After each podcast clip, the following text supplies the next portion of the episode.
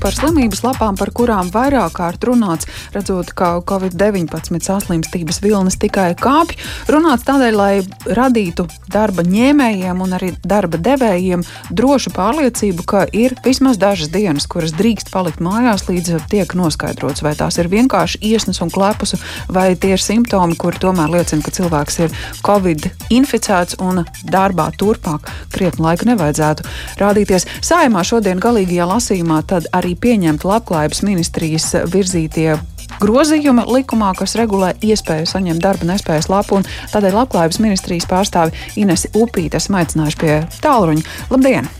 Labdien! Ar lūgumu izstāstīt, ar ko tad rēķināties turpmāk darba devējiem un darba ņēmējiem. Iesnas klepus, kurš maksās par tām trim slimības, iespējamām slimības dienām mājās paliekot. Jā, es sākšu ar to, ka tos eh, grozījumus var nosacīt, iedalīt divās daļās. Mm -hmm. Pirmo daļu mēs pagarinājām termiņus jau normām, kas šobrīd uh, darbojas. Tas attiecās uz uh, kārtību, kā tiek apmaksāta uh, slimības lapa gadījumā, ja ir covid saslimšana. Un šo termiņu, kas bija līdz šā gada beigām, mēs pagarinām līdz 30. jūnijam. Uh, tiek pagarināts arī termiņš uh, attiecībā uz nosacījumu, ka kopējā slimības pabalsta periodā mēs neskaitīsim neskaitīsim to laiku, kamēr persona ir slimojusi ar covid vai atradusies karantīnā. Un šī otrā puse grozījumiem nosacīta tāda kā terminēts atbalsts periodā no šā gada 16. novembra līdz nākamā gada 30. jūnijam. Un viens no pasākumiem ir tas, ka tiek um, noteikts, ka Covid saslimšanas vai karantīnas gadījumā slimības pabalstu izmaksās jau no darba nespējas pirmās dienas, jo šobrīd tas tika maksāts no otrās dienas. Un akūta augšējo elpoceļu infekcijas gadījumā eh, vai pie līdzīgiem simptomiem par pirmajām trim darbnespējas dienām tiks izsniegta darbnespējas lapa B. Un to varēs izdarīt arī attālināti tādējādi, lai mazinātu cilvēku kustību pie ārsta. Mm -hmm un vispār kustību apkārt. Par šīm trim dienām piešķirams būs slimības pabalsts, Un, ja persona būs nosūtīta tālāk jau uz covid analīzēm, tad ir divi iespējamie risinājumi. Ja tests ir pozitīvs, tad slimības pabalstu maksās eh, kā covid gadījumā no pirmās darba nespējas dienas tālāk līdz cilvēks atveseļojās. Savukārt, ja covid analīzes ir negatīvas, taču cilvēks joprojām uh, jūtās slims vai ir uh, kaut kāda saslimšana, tad šo darba nespējas lapu B par trim dienām noslēgs, par to arī izmaksās slimības pabalstu un no nākamās dienas atvērs darba nespējas lapu A. Tā it kā tā būtu pirmā darba mhm. nespējas mm -hmm. diena, un izmaksās tālāk darba devēja slimības naudu, tā kā tā tiek maksāta šobrīd. Mm -hmm. Tie ir tie būtiskākie grozījumi šodien. Kuri visi darbojas līdz nākamā gada vidum? Jā, termiņš ir noteikts 30. jūnijas šobrīd. Mm -hmm. Paldies par šo skaidrojumu. Saku Inesai Upītē, Labklājības ministrijas pārstāvēja un pie tālruņa arī Latvijas darba devēja konfederācijas sociālo lietu eksperts Pēters Leiškāns. Esiet sveicināti! Labdien! Kā darba devēja vidū tiek vērtēti šie grozījumi, nu, sākotnēji šķiet, ka ar tiem varētu pietikt gan gādāt par darba vidas drošību, gan par slimības samazināšanu, vai tomēr tas būs par maz? Nē, nē, nu, protams, šie grozījumi ir uh, ļoti apsveicami. Gan tas, ka tas, nu, mēs saprotam, ka ar šito gadu laikam visdrīzāk tas Covid nebeigsies, gan tas pagarinājums līdz nākamā gada jūnija beigām. Tas ir ļoti būtiski lieta, gan arī šis moments par to, ka, tomēr uh, būs kaut kādas dienas, kad tas cilvēks gan cilvēkam labi, jo viņam tad apmaksās jau nevis no otrās, bet no pirmās darba dienas, eh, gan arī šī procedūra, eh, kas attiecās uz to, ja šis covid neap, neapstiprinās, jā, nu tad saglabāsies tā vecā kārtība. Tās pirmās trīs dienas vienalga apmaksās kā B-lapa no sociālās apdrošināšanas aģentūras puses. Jā.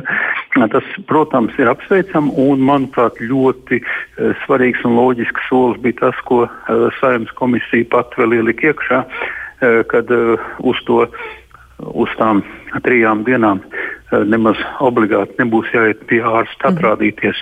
Vārdskot, tas varēs notikt attālināti. Mm -hmm. Šī slimības lapas izrakstīšana, B lapas izrakstīšana, priekš tā, nu, nu, kas ir nepieciešama, lai cilvēks varētu aiziet uz testu, tā varēs notikt attālināt, līdz ar to netiks pakļauti riskam tie ģimenes ārsti nevajadzīgam riskam, teiksim, tā, tā varētu teikt, ja? mm -hmm. kas ir arī ļoti būtisks grozījums, kas nu, papildinājums Jā. um, labklājības ministrijas iesniegtam projektam.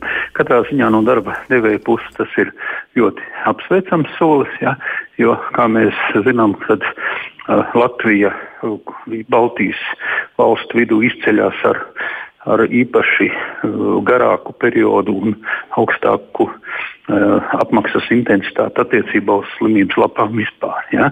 Nu, tās ir izcināmas vispārējā kārtībā, mm konceptuāli, bet, ja, kas attiecās konkrēti uz šo Covid, COVID periodu, -hmm. šie grozījumi ir ļoti labi un apsveicami.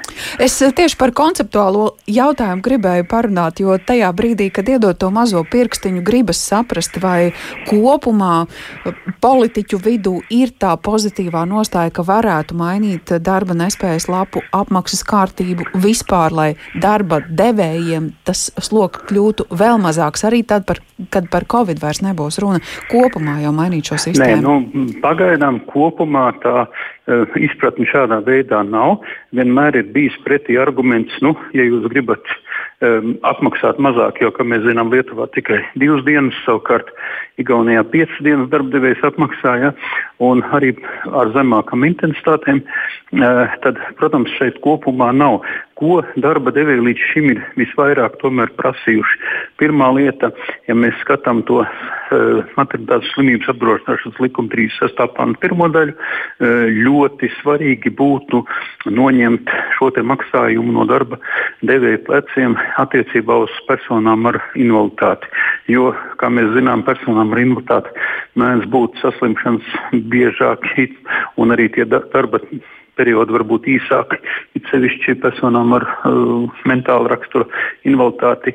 Uh, šie darba periodi var būt mīties ar slimības periodiem un tā tālāk. Ja? Līdz ar to būtu svarīgi ļoti svarīgi atslogot tieši šo grupu, jo tas nāktu pa labu uh, personu ar invaliditāti nodarbinātībai, kas Latvijā ir relatīvi zema. Jā, tātad tas būtu ļoti svarīgs solis.